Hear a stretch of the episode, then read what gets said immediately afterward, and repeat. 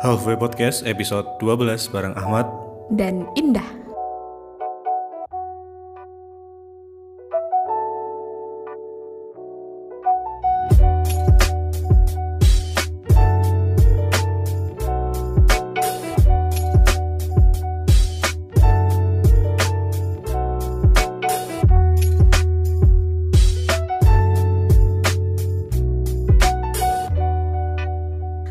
Salam sejahtera bagi para pendengar Halfway Podcast semuanya Kayak mau pidato kamu. Oke, apa kabar semuanya? Yuk, piye kabari rek? Hmm, ya gitu-gitu aja lah bahasa basinya ya Kok males banget gitu Ini dia malas banget dia. Oke, kemarin kita sempat bikin polling di Instagramnya Halfway ya Iya, tentang episode Episode 11 sebelumnya. kita. heeh. Nikah dulu atau siap dulu. Nah, hasilnya adalah Jadi hasilnya 81% teman-teman semuanya teman-teman semua eh, ngevote siap dulu. Nah, sisanya 18 persennya 19. Eh iya salah. Sisanya sem- 19 persennya memilih dulu. untuk nikah dulu aja, jalani dulu aja. Apa sih alasannya?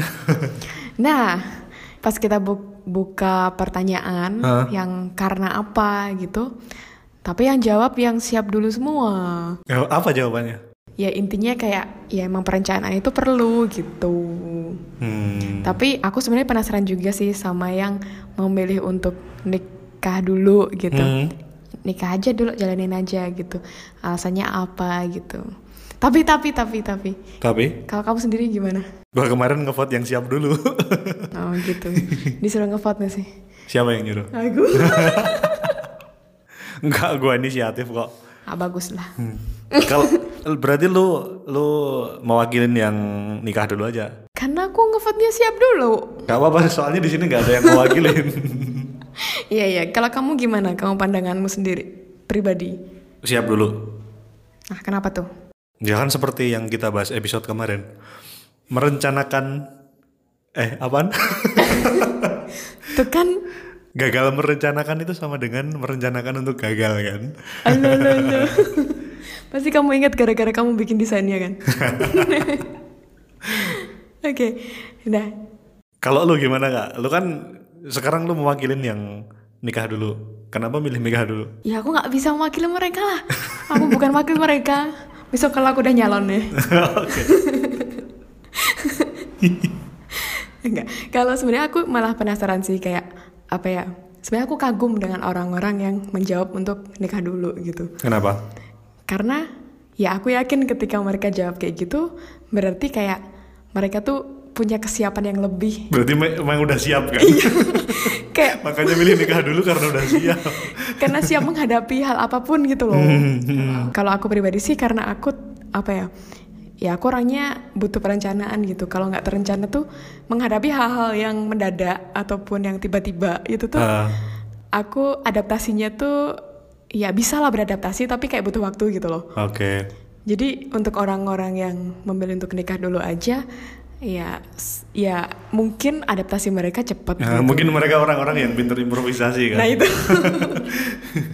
Iya semoga ini aja lah. Dan ini sih yang terpenting tuh sebenarnya satu, Hmm. bukan masalah siap atau nikah dulu.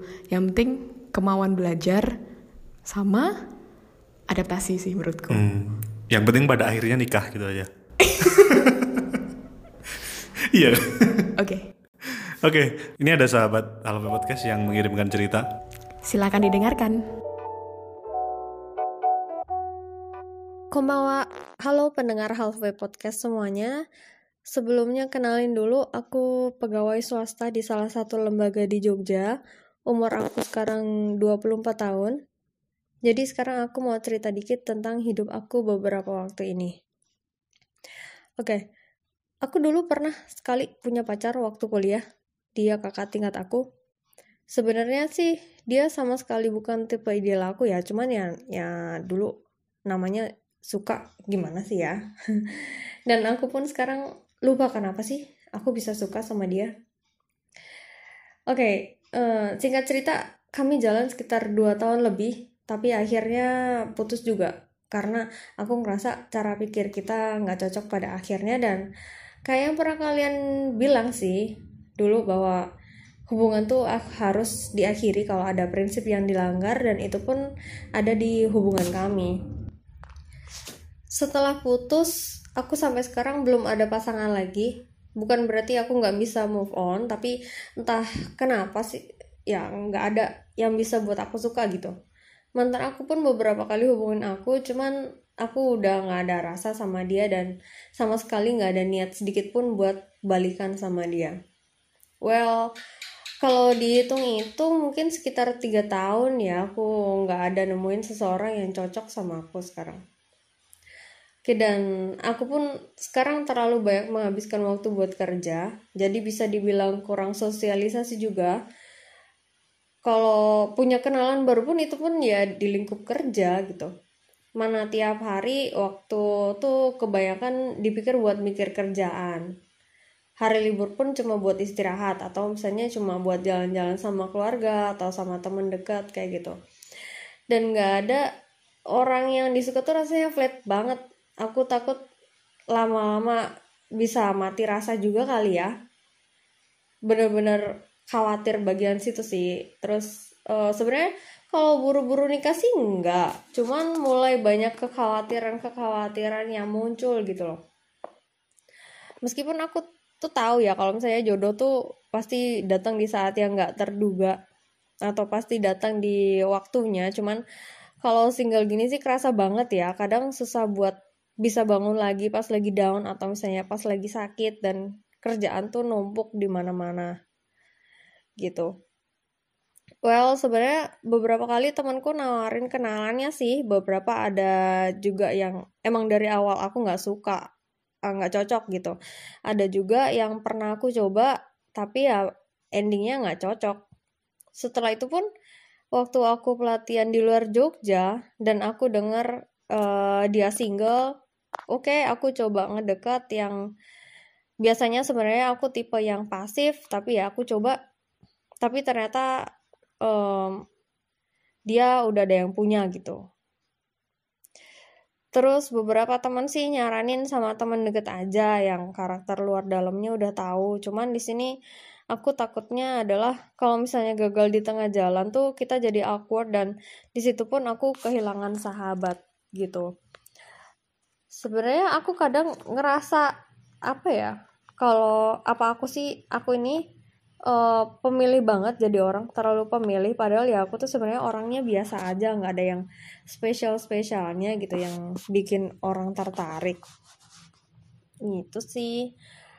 Nah menurut kalian apa sih ya uh, apa langkah yang harus aku lakuin sekarang? Kayak gitu pertanyaan aku. Makasih banget buat Kak Indah dan Ma Mas Ahmad ya udah bersedia dengerin cerita aku dan kutunggu sarannya. Arigato. Makasih banget buat Halfway Podcast. Thank you.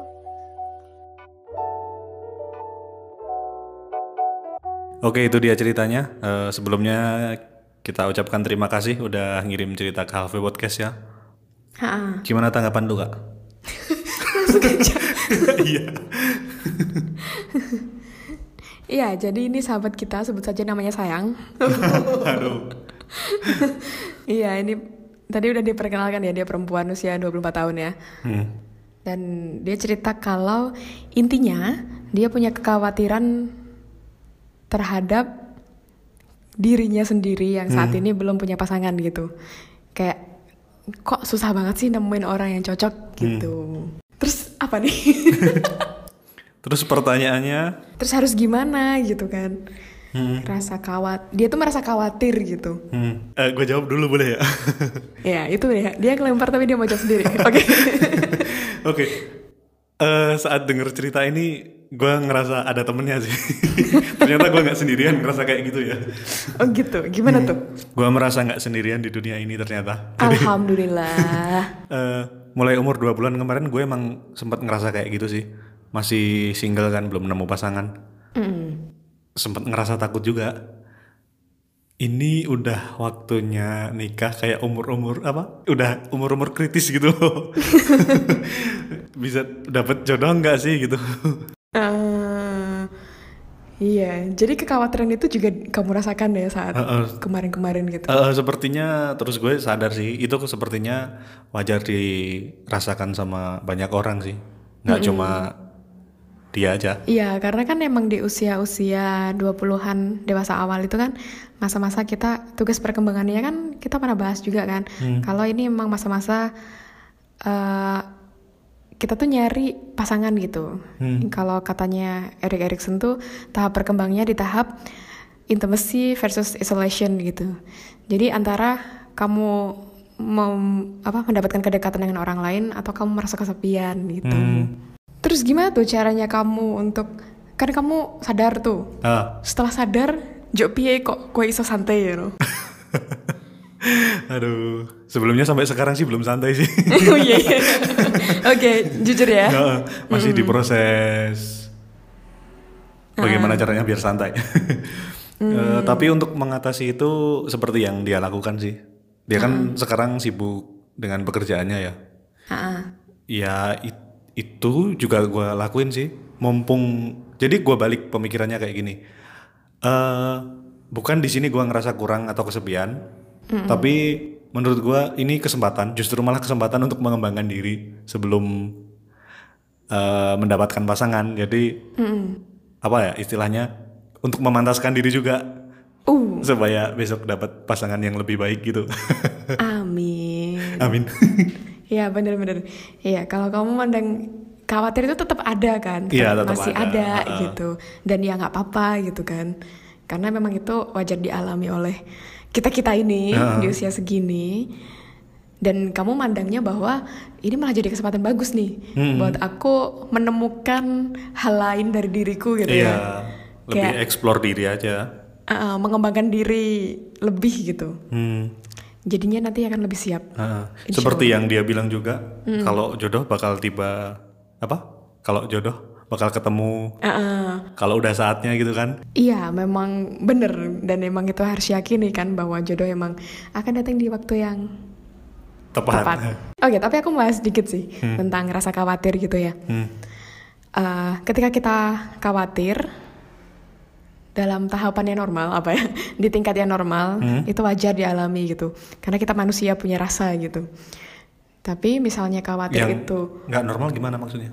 berlebihan misalnya sampai mengganggu aktivitas sehari-hari. Sampai nggak fokus kerja gitu nah ya. sampai konsentrasinya terganggu terus sampai pikirannya tuh pikiran negatifnya ke mana-mana. Hmm. itu kan kita perlu lihat lagi ke diri kita gitu. Oh khawatir itu kan tanda bahwa kita terlalu hidup di masa depan Iya bener. balik lagi kan bahasanya tetepan Hmm. kayak kita merasa terlalu khawatir ya karena kita nggak menikmati jadinya kita nggak menikmati masa kini Hmm, nggak menikmati waktu yang sekarang ya. Heeh. dan makanya kayak dengan kayak gitu coba aja untuk mengalir gitu loh dengan kondisi itu gitu kayak yang kamu lakukan itu kan Hmm. Oh sama satu lagi tambahan sama yang dia lakukan saat liburan eh, pergi sama keluarga gitu kan.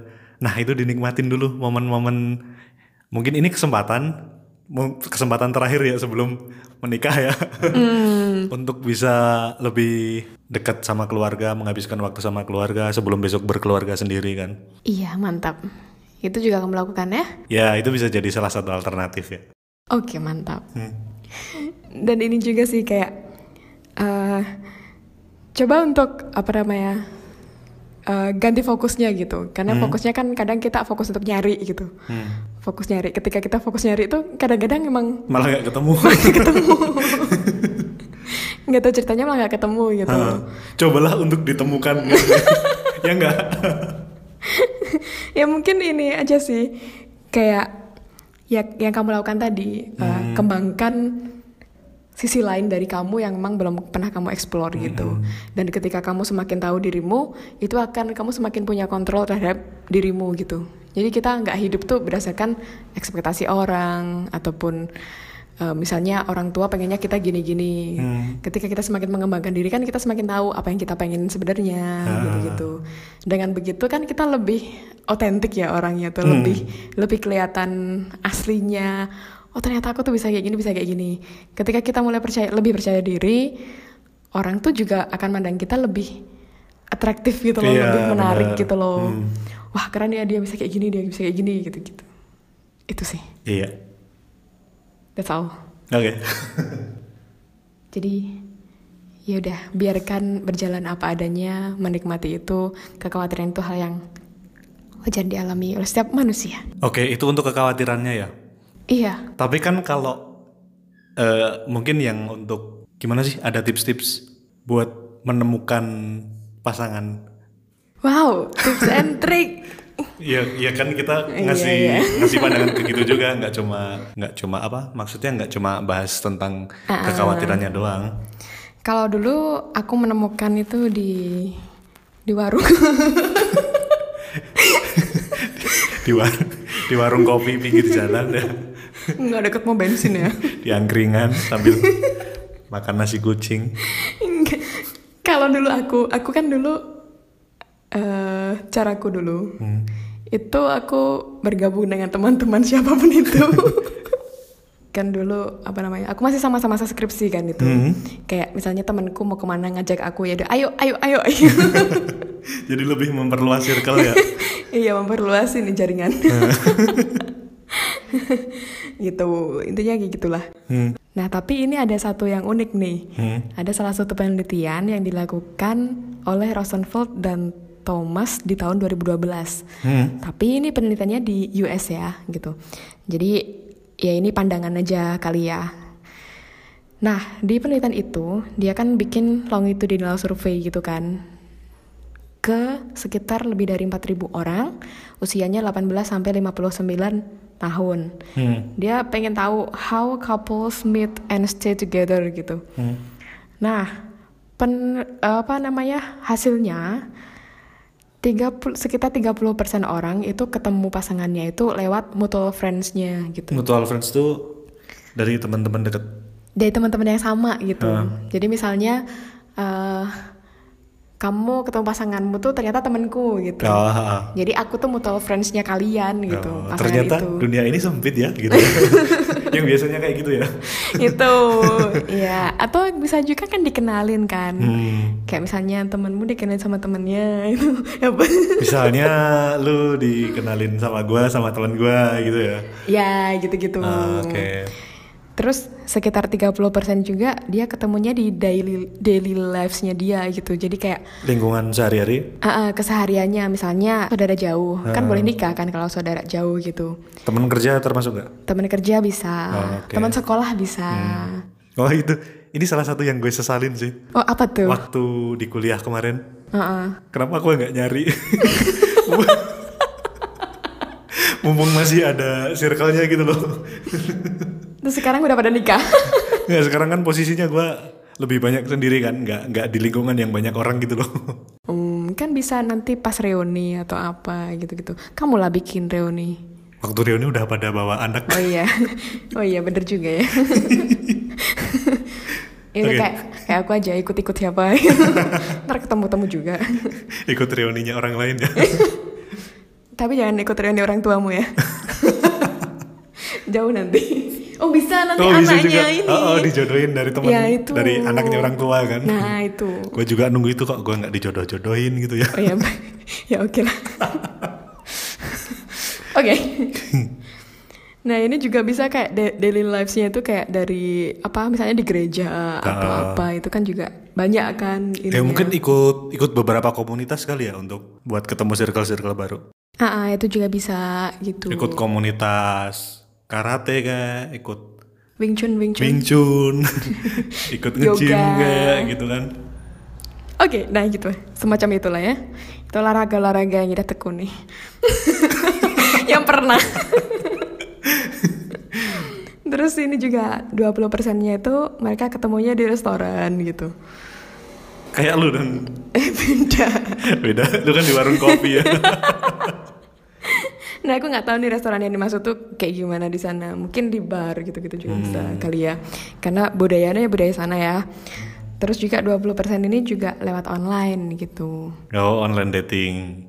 Ya. Ih, ih, menarik nih. Ah, ada nih contohnya. Guru guru SMP gua dulu. Ah, Kenalnya dari Facebook kan. Waktu awal-awal dulu ada ada Facebook tuh. Itu kenalan jauh padahal dari Jogja Jogja Banten. Itu cuma chattingan lewat Facebook. ah, ah. Terus nikah beneran. Wow, keren sekali. Uh, jadi nggak menutup kemungkinan ya dari online pun sekarang bukan berarti nggak mungkin kan? Iya, apalagi orang-orang yang ini ya kayak apa lebih suka sendiri, nggak punya waktu untuk bersosialisasi. Orang-orang introvert.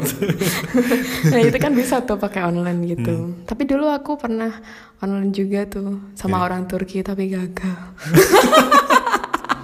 Jawab Ini nggak nggak penting. Motivasi lu apa kak? Iya dulu pernah chattingan guys. Hmm. ya gitu. Tapi emang ini ya online itu kayak ya ada juga yang berhasil tapi juga beberapa juga ada yang gagal juga kan. Hmm. karena kadang misalnya penipuan atau apa itu kan juga tebak-tebak buah manggis nah fotonya kayak gimana jadinya kayak gimana itu kan kayak, juga oh itu kayak membeli kucing di dalam sangkar. Eh. Karung gue kayak membeli kucing di dalam karung. Ini gantiin burung apa? Iya iya iya. Oke. Nah tapi ini ada ada apa hasil yang khusus juga nih ada uniknya. Jadi orang-orang yang ketemu di daily lives-nya itu hmm? kemungkinan untuk break up-nya lebih kecil gitu. Loh, kenapa bisa gitu? Ya nggak tahu, aku nggak baca secara lanjut. Jadi kalau kalian penasaran guys, silakan dicari sendiri penelitiannya terus dibaca. gitu. Ya maaf ya. Ya mungkin karena udah kenal kali ya. Iya, atau mungkin, nah bisa nih, ini kan khusus, dia khususnya ngasih contohnya itu di gereja dan juga sekolah gitu. Hmm. Kalau gereja kan mungkin karena ikatannya. Mungkin juga satu tujuan kali kalau sama-sama pengen ke gereja kan berarti udah punya tujuan yang sama kan. Mungkin bisa lebih menguatkan. Ya, uh, uh, gitu. Iya. Oke, okay, gitu. Itu hasilnya kayak gitu ya. Uh, uh. Jadi itu cara-cara bertemu. Itu beberapa tips. Cara-cara ketemu orang iya itu itu dari ini ya dari hmm. penelitian di US sana uh, nanti bisa dicoba mungkin ya tapi untuk kesimpulannya dari aku sendiri hmm? aku selalu percaya bahwa kita akan menarik orang-orang yang sesuai dengan kita gitu yeah. Jadi ketika mungkin kita pengennya orangnya kerja keras, penyabar ini ini, ya udah kita jadi aja orang yang kayak gitu. Uh, Nanti kita akan ketemu dengan orang yang sama gitu. Kalau lu orang yang hobinya rebahan ya nggak usah ngarep ketemu orang kayak gitu kan. iya, soalnya kalau misalnya misalnya aku nih orang pekerja keras, uh, terus aku ketemu pasanganku yang males-malesan, ya nggak mau lah aku. Makanya. Ya jadi ya kayak dia anaknya doang. jadi bener kayak kata lu tadi. Apa? uh, kita bakal ketemu sama orang-orang yang bergetar di frekuensi yang sama dengan kita. Iya, benar sekali. Karena kata orang kan jodoh itu cerminan diri kita kan. Mm -hmm. Gitu. So just believe it. Yeah. Oke, okay, itu tadi tanggapan kita. Semoga menginspirasi. ya. Setidaknya ngasih satu lampu dikit gitu. ngasih cahaya dikit gitu lah. ya. Nah, untuk episode kali ini sebenarnya kita mau bahas tentang apa? Komunikasi lagi. Iya, komunikasi lagi tapi yang lebih deep. Nah, yang kita bahas kemarin kan tentang iMessage uh. sama tentang gaya komunikasi kan ya, hmm. yang agresif, pasif. Pasif sama asertif ya. Ha. Nah, kalau kalian penasaran bisa dengerin yang di season 1 ya. Uh. Nanti di sini kita akan tambah-tambahin aja. Gitu. Nah, kenapa komunikasi kita bahas-bahas terus-terus-terus gitu? Karena? Karena katanya itu hal yang paling penting dalam suatu hubungan itu adalah komunikasi dan yang kedua komunikasi dan yang ketiga komunikasi lagi. Nah, tepat sekali. Oke, okay, nah bener itu dia. Jadi kayak ya emang sih komunikasi doang itu tuh nggak cukup untuk kita menyelesaikan suatu masalah. Uh tapi Tapi tidak ada masalah yang bisa diselesaikan tanpa komunikasi. Betul sekali. Gitu. Ya. Udah selesai. gimana katanya mau bahas yang lebih dalam nih? Oke. Okay. Nah, gimana sih caranya kita bisa tahu komunikasi kita dengan pasangan itu udah jalan dengan baik atau belum gitu? Mm -hmm. Yang pertama mungkin bisa ini, kayak apakah kita tuh bagus dalam apa ya? Apakah kita itu bisa saling sharing tentang perasaan positif, perasaan negatif yang kita rasakan satu sama lain gitu. Ah. Jadi kayak misalnya kita ngerasa seneng, Hmm. itu kan apakah kita bisa sharing dengan leluasa Dengan pasangan ya. Atau ketika kita lagi capek, lagi marah, lagi sedih, Bisakah kita mengungkapkan? mengungkapkan juga gitu. Apakah hal kayak gitu tuh lancar dalam suatu hubungan atau ternyata kita cuman cerita yang positifnya terus, Mm-mm. tapi nggak bisa cerita negatif atau, malah Atau sebaliknya. malah sambat terus. Nah, Nggak atau pernah malah cerita positifnya. atau malah kerjanya sambat terus, tapi positifnya nggak ada Ah. gitu. Jadi ketika dua hal itu sudah bisa berjalan dengan baik, berarti mungkin komunikasinya baik bagus juga gitu. Seimbang ya. Iya, Jadi nggak selalu eh ketika kita berkomunikasi hanya positif melulu itu sudah baik. Nggak nggak gitu kan? iya. Karena kadang kalau kayak kalau kita cuma cerita positifnya aja itu kayak kita tuh menghindari hal negatif nggak sih? Hmm. Kadang-kadang gitu. Terus juga apakah eh, pasangan kita tuh bisa mendengarkan kita dengan baik gitu? Hmm. Kayak kita udah ngerasa didengerin belum sih dalam satu hubungan, dalam suatu komunikasi di hubungan gitu. Terus mungkin apakah ide-ide kita itu pasangan kita tahu atau kita tuh tahu nggak sih ide-ide dia atau cita-cita? Atau sebaliknya juga. Heeh, cita-cita Kita tuh udah dengerin pasangan belum sih? Nah, heeh. ya itu emang satu sama lain kan. Hmm. Kan yang namanya komunikasi kan dua arah. Mm-mm. Terus tadi juga kayak apakah kita tuh bisa dengan mudah cerita tentang masalah dalam suatu hubungan gitu. Hmm. Kayak misalnya dalam hubungan itu ada masalah apa, apakah kita tuh masalah itu diselesaikan, Hmm. bisa diomongin atau kayak dihindari aja gitu. Ha. Karena kadang-kadang yang membuat apa namanya membuat masalah yang membuat apa ya? Yang membuat beban hidup semakin berat itu adalah masalah-masalah kecil yang dihindari lama-lama bertumpuk. iya, yang tidak yang tidak diselesaikan itu. Ha. Nah, itu aku jadi inget tuh salah satu apa namanya yang udah kita bahas kemarin kan, tingkat percayaan di Indonesia kan makin tinggi itu. Salah satunya kan karena konflik yang terus-menerus gitu.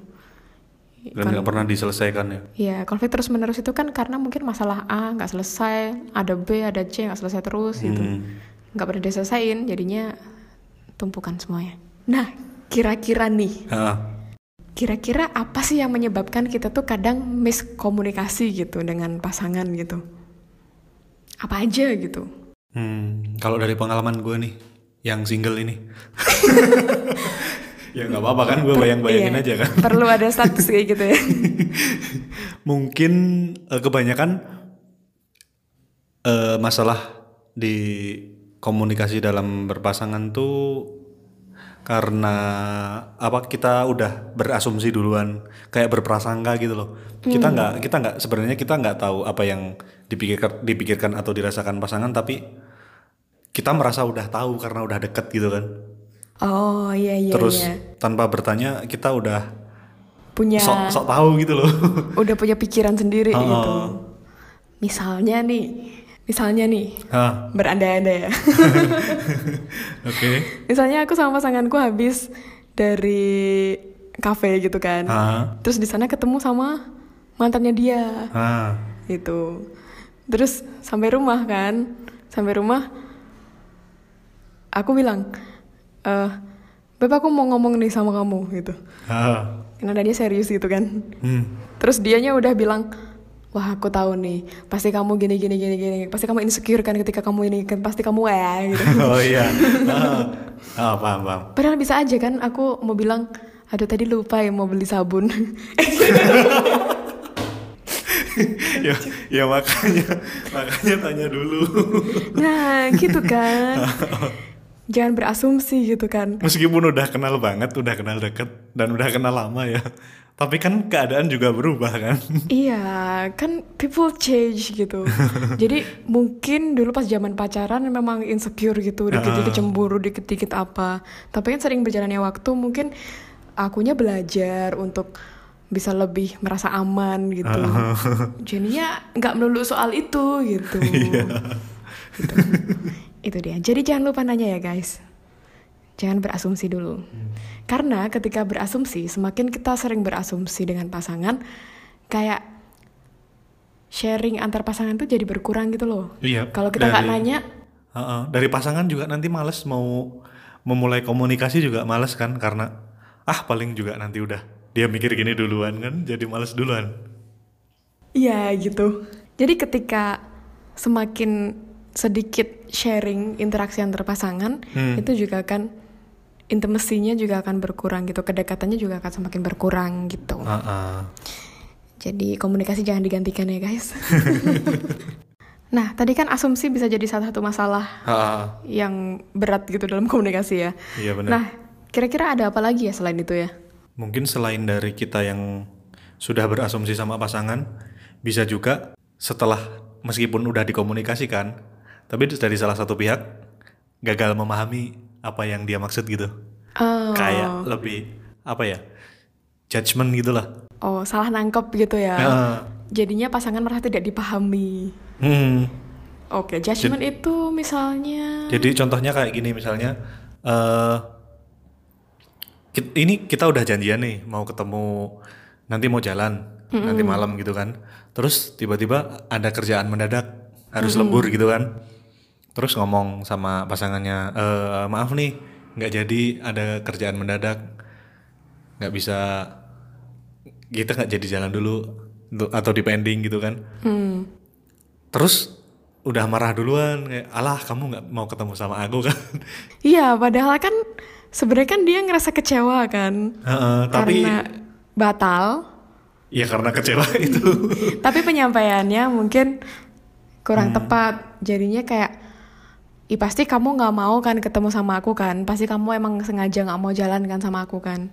Hmm, Gitu. Padahal deep down yang padahal dirasain, emang padahal emang bener-bener ada kerjaan yang mendadak gitu iya. tapi mungkin posisinya habis bertengkar paginya atau gimana gitu kan Ah, terus jadi jadi judgement kayak gitu Ya, ya, ya. Ya itu mungkin karena ini juga sih, karena kita gagal menjadi pendengar yang baik hmm, bagi orang lain gitu. Jadi kita dikasih karunia dua telinga hmm. dan satu mulut gitu. dan satu hidung Kalau ngomong, kalau kita berkomunikasi itu pakai hidung ya. Ah, ya, jadi ada maksud ya kenapa kita diberikan karunia dua telinga dan satu mulut tuh Iya. biasanya kalau jumlah yang lebih banyak tuh berarti Apa? Porsinya lebih banyak. porsinya lebih banyak ya harusnya Iya. ya Jadi kita memang harusnya kita lebih, Lebih mendengarkan banyak. tuh dua kali lipat daripada kita Oh, oh, ngomong sih. harusnya lebih banyak mendengar daripada menyampaikan gitu Iya, karena kan emang kadang kadang aku cerita pun cuma butuh didengerin gitu. Hmm. Nggak butuh dijawab. tapi yang diceritain seringnya Kadang- malah kadang belum solusi. selesai cerita udah jawab duluan Iya. Nah itu kan, nah kalau kayak gitu, kadang-kadang tuh orang tuh mendengarkan itu untuk merespon gitu, mendengar Hmm. itu untuk menjawab, bukan mendengar untuk memahami. nah gitu. terus gimana dong caranya biar bisa men- menjadi pendengar yang baik Gimana yo? Ya, untuk caranya, ini lebih ke cara ini ya. Ah. Cara kita bisa berkomunikasi tanpa judge, judgment gitu. Ah. Jadi kayak non judgmental gitu. Ah. Jadi ada sih beberapa hal yang bisa dilakukan. Hmm, itu kita sih? kita akan bahas di episode selanjutnya Oh ya baiklah. Oke, Oke. jadi terima kasih udah mendengarkan episode hari ini gua Ahmad pamit dan aku Indah pamit. Bye.